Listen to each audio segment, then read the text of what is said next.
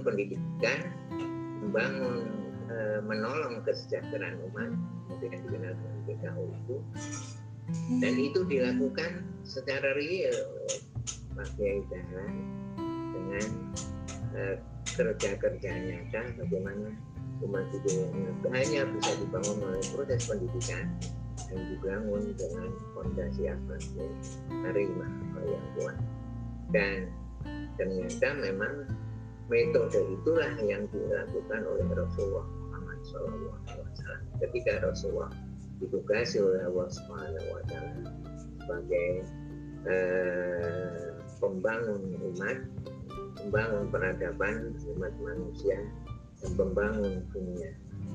Saya kira ini yang bisa saya sampaikan secara sepintas makna teologi lingkungan. Nah, jabaran yang lebih detail lagi saya kira tentang teologi lingkungan itu bisa dibaca di buku yang sudah diterbitkan berkali-kali.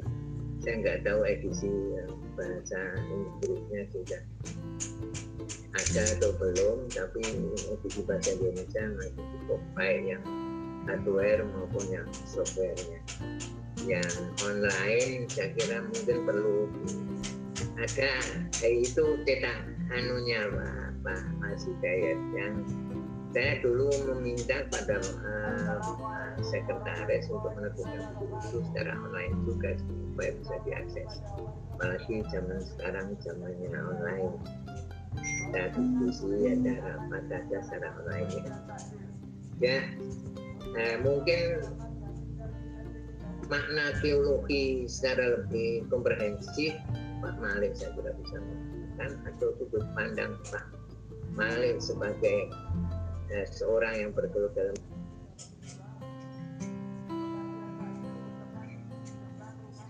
yang lain atau filsafat ilmu saya kira mungkin akan bisa menambahkan beberapa hal yang terkait dengan teologi.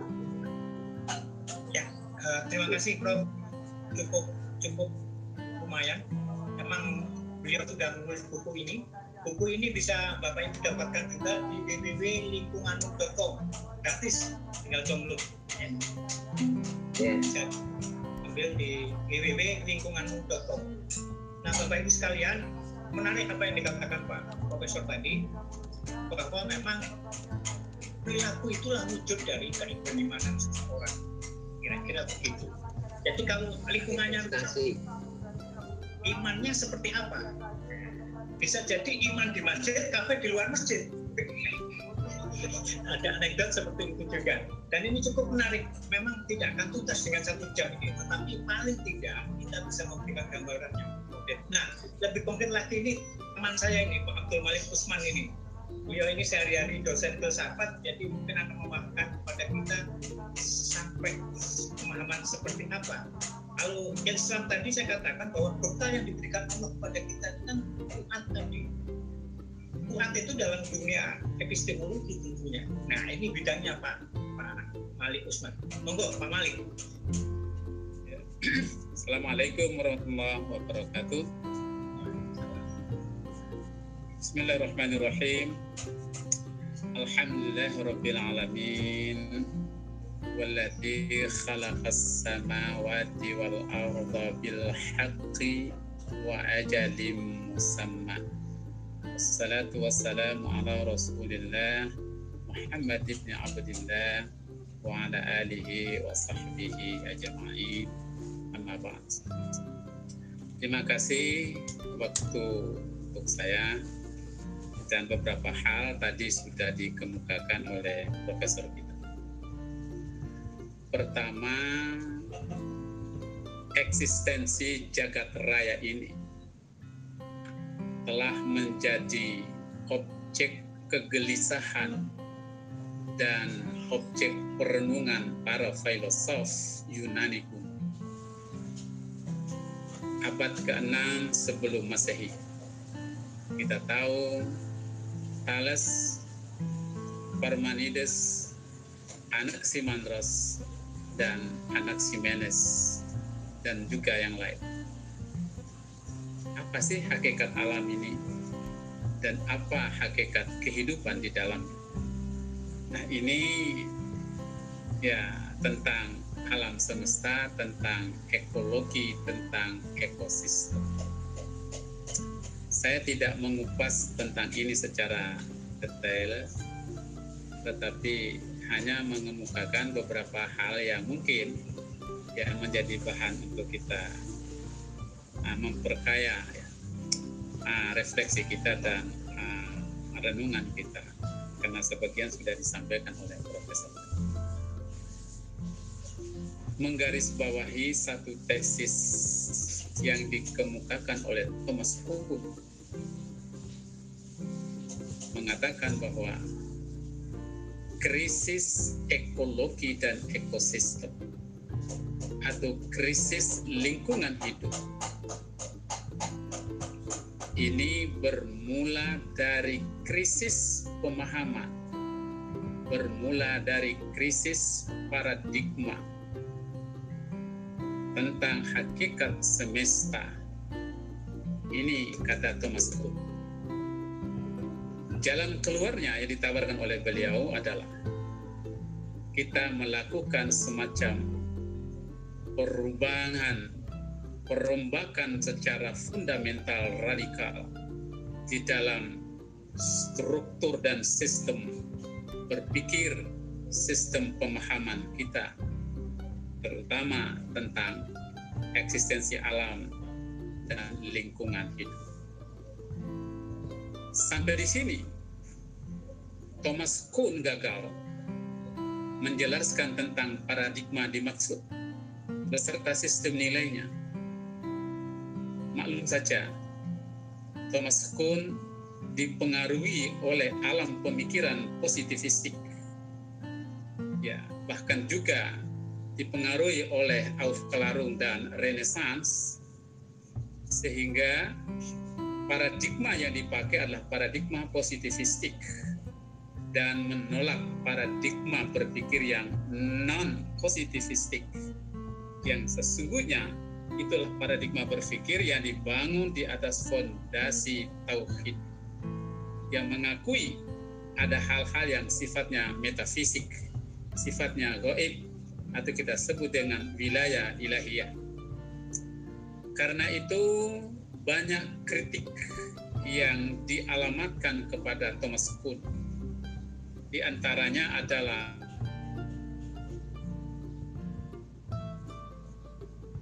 saya mengumpulkan tiga buku Babon.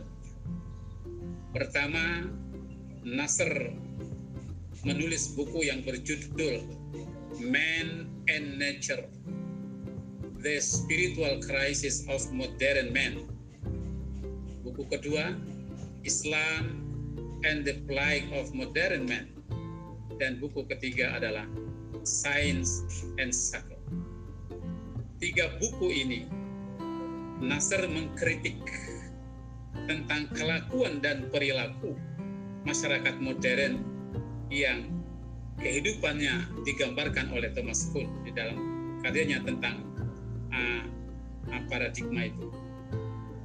Krisis ini sesungguhnya bermula dari sikap penegasian, sikap penolakan terhadap hakikat sesuatu yang sifatnya ruhiyah, sifatnya metafisik, atau yang gaib dan yang transenden. Bahwa alam ini adalah makhluk, bahwa alam ini adalah diciptakan, bahwa alam ini adalah ciptaan yang punya dasar, punya maksud, dan punya tujuan luhur inilah kita sebut dengan uh, satu pandangan yang yang bernada kritik terhadap pandangan uh, Thomas Kuhn atau menyempurnakan gagasan Thomas Kuhn. Nah, di sini kita bicara tentang teologi lingkungan. Tadi sudah dibicarakan menarik sekali oleh Profesor Saya menyederhanakan saja. Teologi lingkungan adalah sudut pandang teologi terhadap eksistensi ekologi dan ekosistem itu. dari sudut pandang teologi, sudut pandang ya ketuhanan. Nah, karena itu ya saya memakai istilah ya teologi lingkungan adalah menjadikan doktrin iman tauhid kita itu menjadi visi cara pandang terhadap eksistensi semesta. Jadi tauhid tidak lagi sekedar sebuah doktrin keyakinan, tapi dia harus menjadi cara pandang kita terhadap alam dan lingkungan kita. Dan tauhid juga menjadi visi kita, cara pandang kita, lalu kemudian mengilhami dan menginspirasi kita di dalam kita bertindak mengelola alam dan lingkungan hidup. Ini yang saya sebut dengan visi tauhidik. Karena akar krisis itu, kalau saya pakai tesisnya Hussein Nasr, sesungguhnya bermula dari hilangnya visi ketuhanan, hilangnya visi keilahian dalam cara pandang manusia terhadap eksistensi semesta raya. Bukankah Quran menyebut alam semesta ini adalah ayat jadi tidak sekedar alam kumpulan material, enggak. Tapi dia hidup. Ada kehidupan di dalam. Nah karena itulah dari tauhid ini kita turunkan menjadi metaphysical paradigm yang menurut saya tercermin di dalam tiga hal penting, sesungguhnya lebih dari tiga. Pertama adalah unity of Allah, unity of God yang kedua, unity of creation. Dan yang ketiga adalah unity of life. Nah, saya ingin menggarisbawahi yang kedua. Unity of creation. Kesatuan penciptaan. Pandangan ini dari sisi tauhidik meniscayakan bahwa apa yang tersurat di dalam kitab suci Al-Quran adalah fakta historis dan menjadi referensi kita di dalam kita membaca realitas alam lingkungan. Al-Quran menjadi fakta historis, mengilhami kita membaca tentang membaca dan memperlakukan alam lingkungan ini. Apa sih alam semesta itu? Kalau dari perspektif visi tauhidik, alam semesta ini adalah tajalli ilahi. Dia adalah teofani dan bertajalli, mengenalkan dirinya, mewartakan tentang keberadaannya, mewartakan tentang kemahakuasaannya dan keserbamahaannya melalui alam semesta. Karena itu sesungguhnya kalau kita bicara konsep tentang wahyu itu ada dua. Pertama namanya Al-Quran At-Tadwin. Itulah uh, Al-Quran disebut ayat Al-Matluwa. Quran kita. Tapi yang kedua adalah ayat Ghairu Matlu. Al-Quran At-Takwin yaitu Al-Quran atau The Quran Vision ayat-ayat yang sesungguhnya adalah kreasi Tuhan yang digelar, yang dibentangkan di semesta raya. Nah, sesungguhnya dari sudut pandang ini, Al-Quran menegaskan bahwa semesta ini diciptakan dengan dasar yang hak dan dengan tujuan yang hak. Banyak sekali ayat Al-Quran menegaskan ini. Di antaranya saya kutip, khalaqas samawati wal arda bil haq itu diulang berkali-kali kadang-kadang diawali dengan harfu nasyin ma khalaqana samawati wal arda illa bil haqqi wa ajalin musamma diulang berkali-kali tiadalah Tuhan menciptakan aku menciptakan semesta ini sia-sia kecuali dengan dasar dan dengan tujuan yang hak alam ini adalah salah satu warta ketuhanan. Ini visi tauhidik di dalam melihat alam. Nah karena itu banyak sekali ulama-ulama kita mengutip hadis kursi yang intinya Tuhan berfirman kuntu kanzan makhfiyat aku Tuhan bagaikan mutiara terpendam tersembunyi sulit makhlukku mengenali aku. Fa'ahbaitu an u'rafa fakhalaqtul khalqa fabiya arafuni karena itu aku ciptakan semesta ini melalui semesta itulah manusia hambaku mengenali aku melalui pergumulan dia dengan semesta dan lingkungan. Jadi sesungguhnya semesta ini adalah salah satu sumber warta tentang Allah Subhanahu wa taala. Kalau kita melihat semesta menggunakan visi tauhidik atau saya boleh mengatakan dengan istilah lain Allah mengenalkan dirinya melalui alam semesta. Dengan demikian, pada alam ini terdapat potensi ketuhanan yang kapan saja manusia menggunakan potensi itu untuk mengenali lebih dekat tentang Sang Pencipta Allah Subhanahu wa taala. Inilah disebut dengan konsep unity of creation, kesatuan penciptaan pada semesta ini baik yang sifatnya hayati maupun yang non hayati dan di dalamnya terjadi relasi timbal balik secara serasi dan secara seimbang. Inilah kita bicara tentang ekologi dan ekosistem. Ini bukan sebuah kebetulan, melainkan sesuatu yang sangat sistematis disiapkan dan direncanakan oleh Sang Khalik Allah Subhanahu wa taala. Dari visi tauhidik itu juga kita melihat bahwa di dalam Al-Qur'an lebih dari 70 kali Quran menyebut kata al-alamin. Itu bisa dimanakan dengan lingkungan hidup. Al-Quran mewartakan sekali lagi tentang penciptaan dimaksud adalah penciptaan yang punya dasar dan punya tujuan luhur.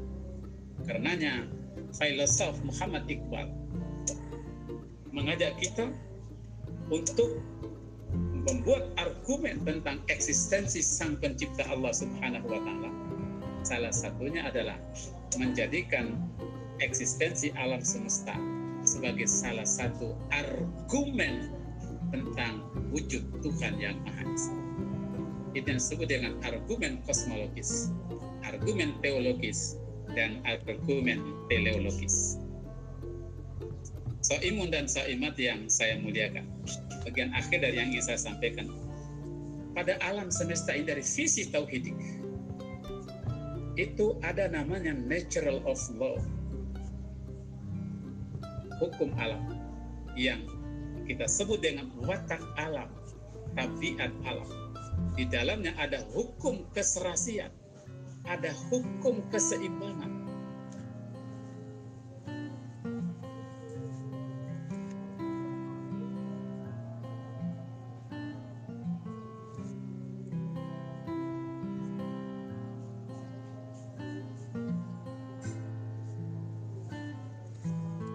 Berlaku pada dirinya adalah sikap taat dan sikap tunduk hanya kepada Tuhan melalui ketaatan terhadap hukum yang mengikatnya yang kita sebut dengan hukum alam atau sunnatullah. Karena itu perilaku alam sejak dari terbit fajar sampai terbenam silih berganti dan rotasi siang malam kemudian pergerakan benda-benda atas silih berganti. Ini semua sesungguhnya adalah cara alam menampilkan sikap Islaman batas lima, sikap taat dan tunduk hanya pada Allah Subhanahu wa taala. Jadi alam itu sama sekali tidak pernah kafir apalagi munafik. Yang kafir, yang munafik, yang fasik adalah manusia. Karena itu belajar tentang filsafat lingkungan, kita jangan meniru alam. Alam sangat-sangat Islam ketimbang manusia. Nah, karena itu bagian akhir ingin saya garis bawahi adalah bumi kita ini dan lingkung kita, lingkung hidup kita. Berkali-kali bulan itu diziarahi oleh manusia. Tapi di sana tidak ada kehidupan sebagaimana di bumi. Kenapa? Karena tidak ada air.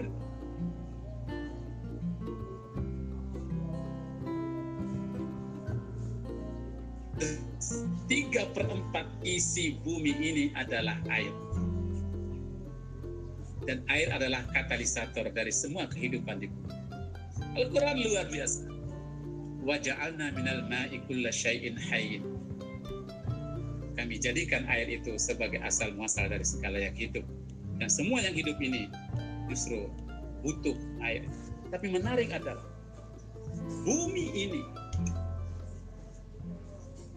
itu dilapisi oleh udara yang tebalnya lebih dari 600 km. Itu tebal udaranya. Ini karunia Tuhan. Allah terbesar. Dan lapisan udara itu dengan tebal 600 km itu berfungsi melindungi penduduk bumi ini dari serangan bom-bom batu meteor yang beratnya amat sangat luar biasa. Jadi ketika batu itu bintang itu bergerak mengitari matahari setiap saat dia tawaf itu hancur dia dan dia mesti jatuhnya ke bumi.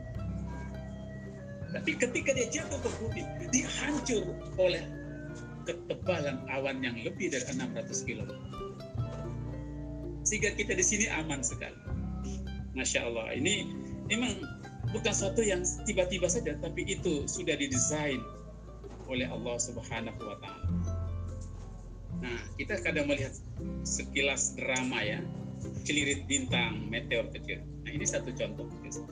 Nah, udara yang tebalnya 600 km ini juga membentengi kita dari sinar ultraviolet yang amat sangat membahayakan kita. Jadi kalau para ahli lingkungan mengatakan sekarang lapisan ozon kita itu sudah menipis, ini karena salah satu bukti nyata apa yang dikatakan oleh Profesor tadi Zaharal fasadu fil barri wal bahr bima kasabat aidinas menipisnya lapisan ozon itu. Itu karena ulahnya manusia mengabaikan pesan Tuhan dan pesan moral dari ini kalau semakin tipis itu kita jadi merasakan akibatnya. Nah bagian akhir saya ingin mengajak kita melihat dari filsafat sistem ini cara pandangnya visi tauhidik itu melihatnya dengan filsafat sistem apa itu? Satu Allah subhanahu wa ta'ala. Itu Rabnya itu Khaliqul Alam. Dia penciptanya, dia pemiliknya. Jadi semesta ini dia yang ciptakan, dia yang memiliki. Lillahi ma fis samawati wa ma fil ard. Dan yang kedua, alam itu adalah makhluk. Dan dia diciptakan oleh Sang Khalik. Dan dia punya hak hidup. Karena dijamin kehidupannya oleh pencipta. Bahkan Al-Quran menyebut alam itu adalah ayat-ayat Tuhan. Jadi kalau merusak alam, merusak lingkungan hidup, itu sesungguhnya adalah manusia merusak firman-firman Tuhan. Tapi kita kadang-kadang merasa itu tidak berdosa. Ketika ayat Al-Quran itu dijumpai potongan-potongan di ayat karena dipakai untuk bongkos, untuk membungkus tempe, tahu, dan seterusnya itu manusia reaksinya begitu luar biasa. Tapi ketika ada kelompok manusia yang bertindak memperkosa, merusak alam dan lingkungan, kita akan kita begitu reaksi. Karena cara pandang yang dikotomis bahwa alam sesungguhnya adalah dan manusia itu adalah khalifah Allah. Mandat khalifah adalah tugas mulia itu amanah. Dan alam tadi sudah disampaikan oleh Pak Prof beserta kandungan dan isinya sebuah rahmat Allah terbesar itu. Ini dijadikan oleh manusia yang sadar diri sebagai pengemban amanah khalifah itu bahwa alam ini adalah oikos. Bahasa Yunaninya alam adalah rumah besar kita semua. Bukan rumah manusia saja, tapi rumah seluruh makhluk yang menghuni di dalam. Itu itu Karena itulah kesatu paduan antara manusia dengan dengan alam semesta. Karena itu ya visi tauhidik ini kemudian menjiwai dan mengilhami manusia di dalam cara pandang terhadap alam, tapi juga menjiwai manusia di dalam berperilaku terhadap alam dan lingkungannya. Menarik, surat Al-Alaq turun pertama pada bulan Ramadan itu bicara tiga ini. Tuhan, manusia, alam semesta. Ikra, bismi rabbi Allah, alladhi khalaq semesta, khalaqal insan, manusia.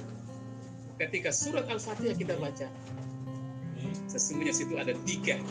Tuhan bicara tentang dirinya, dan Tuhan bicara tentang ciptaannya, dan Tuhan bicara kepada manusia makhluknya. Dia unggulkan sebagai khalifah dan hambanya. Sebagai penutup, salah satu asbabul wurud, sebab-sebab kelahiran Muhammadiyah adalah saya pakai istilah Kiai Dahlan diilhami surah Al-Ma'un yang kita kenal dengan teologi Al-Ma'un. Apa itu isinya? Bahwa pendusta-pendusta agama adalah mereka yang menghardik anak yatim dan tidak menyantuni orang-orang miskin. Maksaan i sekarang ini mereka yang disebut pendusta-pendusta agama adalah mereka yang menghardik alam secara membabi buta dan mengeksploitasi alam dan isinya secara brutal. Mereka adalah pendusta-pendusta agama. Assalamualaikum warahmatullahi wabarakatuh.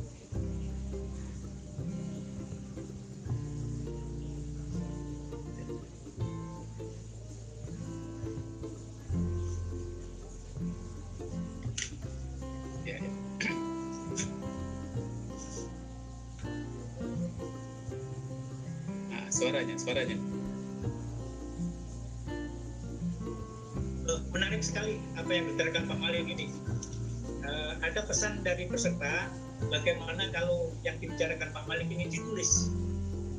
Ada tulisannya. Nanti nanti saya kasihkan. Oke. Jadi- Kurang lebih enam halaman. Oke. Ada lima atau enam halaman. Bisa di grup. Eh, Ya. para bapak ibu sekalian, memang banyak pertanyaan di chat, tetapi saya tidak bisa menyampaikan satu persatu. Akan saya pilih saja secara online. Bu. Eh, mungkin dari Pak Sulawesi Selatan dulu, Pak Darhamsah ini.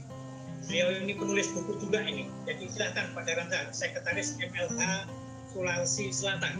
Silakan Pak. Baik, Assalamualaikum warahmatullahi warahmatullahi Ya, menarik sekali Ustadz tadi itu saya baru mendengar surah uh, Al-Maun itu.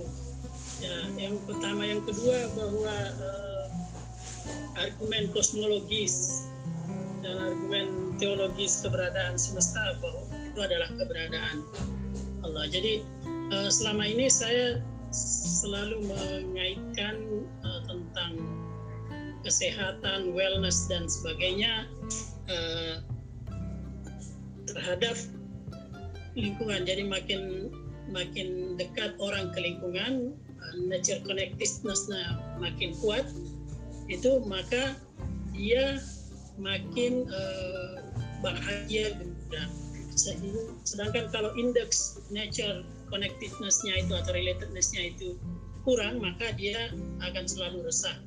Tapi saya baru tahu tadi jawabannya ya dari Ustaz. Jadi saya hanya ingin jawabannya adalah karena itu bahwa sebenarnya keberadaan semesta itu adalah sebagai keberadaan alam. Artinya gini kalau kita orang selalu bicara masalah energi yang ada di alam dan sebagainya ya pada pada dasarnya itu adalah energi ilahiyah yang tidak terlepas dari eksistensi demikian Ustadz Assalamualaikum warahmatullahi wabarakatuh.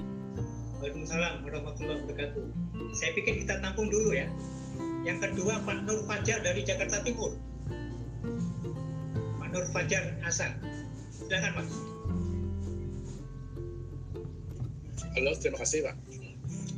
Nah, ini kami kan dari di DKI ini kan sudah PSBB periode yang kedua sampai tanggal 22 Mei. Nah, dalam peraturan PSBB ini kan situ diatur bahwa kafe, restoran, warung tidak boleh melayani uh, hanya boleh melayani penjualan makanan yang untuk dibawa pulang atau dibungkus. Tapi sayangnya dari pemerintah pusat maupun pemprov sampai sekarang tidak ada himbauan atau sosialisasi yang masih bermasyarakat bahwa agar masyarakat itu dapat membawa wadah sendiri, rantang sendiri atau apalah namanya agar tidak menggunakan kantong plastik. Nah, jadi yang saya tanyakan pada para sumber, apakah pemerintah atau pusat atau pemprov lupa mengenai teologi lingkungan ini? Karena dapat bayangkan pasca COVID ini itu nanti limbah plastik itu akan bertumpuk di mana-mana. Mungkin itu dari saya pada narasumber. Terima kasih. Wassalamualaikum warahmatullahi wabarakatuh. Waalaikumsalam warahmatullahi wabarakatuh. Ya, saya gabung dulu dengan pertanyaan dari Mas Nil uh, siapa tadi? Mas Nil Makinudin. Pertanyaannya penyebab kerusakan setidaknya dari segi aktor ada pemerintah, swasta dan masyarakat. Pemerintah membuat aturan namun sekaligus melakukan kontrol yang malah selingkuh tanda kutip dengan swasta sehingga banyak sekali kaidah pengelolaan lingkungan hidup yang melestari dan berkelanjutan tidak berjalan dengan baik. Kedua, dampak kerusakan lingkungan hidup sering bersifat multi-year dan lintas sektoral. Pertanyaannya, apa posisi dan peran tentang tanggung jawab Muhammadiyah? Saya pikir saya ke Pak Profesor Mujrin dulu. Jadi apa peran Muhammadiyah terhadap itu? Sekaligus menjawab pertanyaan Mas Nur Fajar tadi. Silakan, Prof. Assalamualaikum warahmatullahi wabarakatuh. Jadi sebenarnya Muhammadiyah itu kan didirikan Gerakan dakwah yang misinya adalah. Misi dakwahnya adalah makhluk. Alhamdulillah makhluk, wanahi Ya, dan demikian tanggung jawab Muhammadiyah ya mencegah terjadinya kemungkaran kemungkaran di muka mengajak masyarakat untuk berbuat baik terhadap lingkungannya terhadap orang lain bahkan terhadap Tuhan Allah Subhanahu wa taala. Jadi perintah-perintahnya dari para nah, terkait dengan masalah COVID ini sebenarnya saya sudah membuat tulisan apa hubungan apakah ada hubungan antara kerusakan lingkungan dengan munculnya wabah corona atau wabah COVID-19 saya kira mungkin sudah dimuat di, di posting di web Muhammadiyah saya kira. Cuma karena ada kesalahan teknis kemudian saya minta menarik uh, tulisan itu karena ada beberapa kalimat yang uh, kalau dibaca bisa menyebabkan itu mengandung misinterpretasi atau mispersepsi atau bahkan uh, bisa menyebabkan kesalahpahaman. Tapi sudah saya menarik tulisan itu, namun tulisan itu saya postingkan ulang dengan uh, bagaimana Muhammadiyah mempunyai peran strategis dalam penyadaran kepada masyarakat dan bagaimana menghadapi COVID munculnya adalah munculnya adalah eh, surat edaran dan maklumat dan sebagainya itu. Nah, kemudian terkait dengan masalah bungkus makanan. Bungkus makanan saya kira memang Tuhan itu ya, benar dalam setelah COVID ini selesai karena sistem pembuangan sampah di negara kita ini belum dengan baik belum terprogram dengan baik dan yang sudah ada itu hanya di beberapa tempat saja terutama di eh, wilayahnya Pak dalam sah ini sebetulnya penanganan lingkungan dan limbah sudah begitu baik menurut BRK yang saat dan menurut pelaporan dari Badan dalam sah kan koordinator penanganan masalah lingkungan ya Pak. Dalam sampai jabatannya Prof. Eh, ya, ya mungkin bisa menjelaskan bagaimana menangani masalah kayak jawaban dari terutama untuk daerah yang di wilayah yang jadi tanggung jawab Sulawesi. Ceritanya ketika saya bertemu dengan si itu hal-hal yang berkaitan dengan penanganan limbah kayak limbah kering, limbah basah dan limbah mungkin sedikit jawaban atau penjelasan supaya Pak Nur Fajar ini bisa membayangkan apa yang oleh Pak Hamzah. Pak Hamzah ini. Jabatannya banyak. Sebagai sekretaris. Lalu sekaligus penggerak lingkungan yang juga ditugasi oleh pemerintah sebagai apa namanya itu? Ya silakan Pak. Ya. Baik baik Prof uh, ya uh, mudah-mudahan saya tidak ini karena agak putus-putus Prof jadi uh, terkait uh, masalah pengelolaan limbah ya uh, dan terutama di masa COVID ini yang paling urgen itu sebenarnya adalah limbah-limbah uh, medis. Iya. Ya, jadi yang sudah kita lakukan adalah uh, kami uh, melakukan apa namanya conference uh, pada seluruh daerah tentang bagaimana penanganan limbah medis. Uh, ada yang selama ini sudah punya alat tapi belum punya izin kita selama selama masa covid ini alat yang belum berizin pun silahkan dijalankan saja ya, jadi selama suhu pembakarannya memang seribu derajat jadi karena tidak sempat lagi diurus izinnya jadi itulah langkah uh, apa yang diambil. Kemudian ada juga kalau tidak punya alat itu bisa dikubur sebenarnya di, di dengan cara penguburan. Nah, itu secara teknis demikian. Tapi ada syarat-syarat teknisnya antara lain permukaan air tanahnya juga itu harus bawah artinya tidak boleh kita begitu menggali terus ada air kemudian lapis dibuatkan uh, tanah lempung kedap air jadi ada persyaratan teknisnya nanti Pak Nur Fajar, insya Allah ini saudara kita. Saya akan ini untuk share. Bisa juga saya akan share di grup nanti mengenai pengelolaan yeah. limbah medis. Ya, siapa terima kasih. Siap, ya. Syukran Pak Jaya. Iya.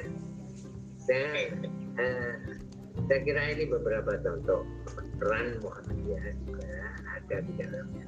Sebenarnya juga secara pribadi maupun uh, kelembagaan pada ini terutama terlibat dalam kegiatan yang menarik wilayah Sulawesi Timur atau Sulawesi Selatan. Ya. ya, terima kasih. Uh, saya mohon maaf ini karena waktu kita sangat terbatas, habis ini waktu kita. Maka mohon pertanyaan yang lain nanti bisa tertulis lah ya nanti akan disampaikan ke narasumber. Kemudian saya untuk ini satu, dua menit lah untuk closing statement mulai dari Pak Abdul Malik Usman dulu. Silakan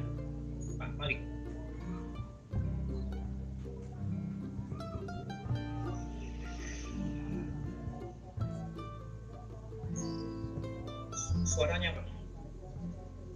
Suaranya, suaranya. Empat cara berpikir kita cara pandang kita terhadap alam, lingkungan, bahkan dunia dan tekst. Dari sudut pandang tauhid ini yang kita sebut dengan uh, apa namanya teologi lingkungan.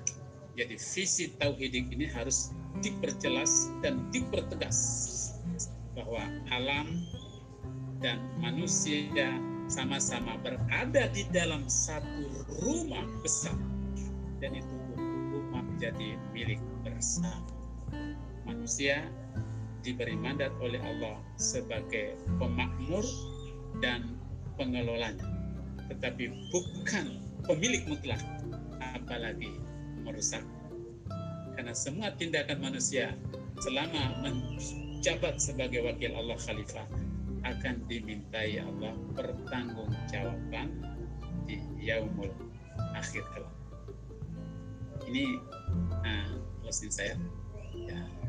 Dan karena itu mari kita rawat alam, menghardik alam itu sama juga dengan mendustakan Allah dan mendustakan ayat-ayat Allah Subhanahu Terima kasih. Oke, ke Pak Prof. Closing statement. Singkat saja bahwa alam itu merupakan manifestasi dari Allah wa taala. Kira kita bisa menutup oleh karena itu menjaga alam itu adalah merupakan bagian ibadah yang amat sangat penting sama wajibnya sama fardunya dengan menjaga manusia itu sendiri atau menjaga hidup manusia itu sendiri.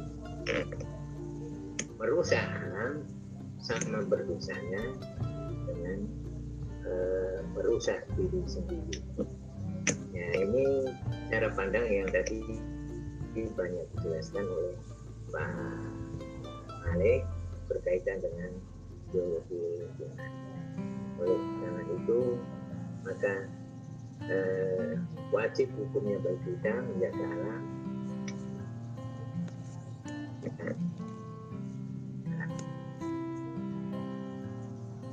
cuma cara atau teknis menjaga eh, alam itu bisa bermacam-macam dalam ranah teknis. Jadi konsep teologisnya itu adalah bagaimana kita menghadirkan Tuhan di tengah-tengah kegiatan atau aktivitas kita alam. Kira ini. Terima kasih. Ya, terima kasih. Cukup. Pertama kepada Profesor Muhyiddin Mawardi telah menyempatkan waktunya. Yang kedua kepada Pak Abdul Malik Usman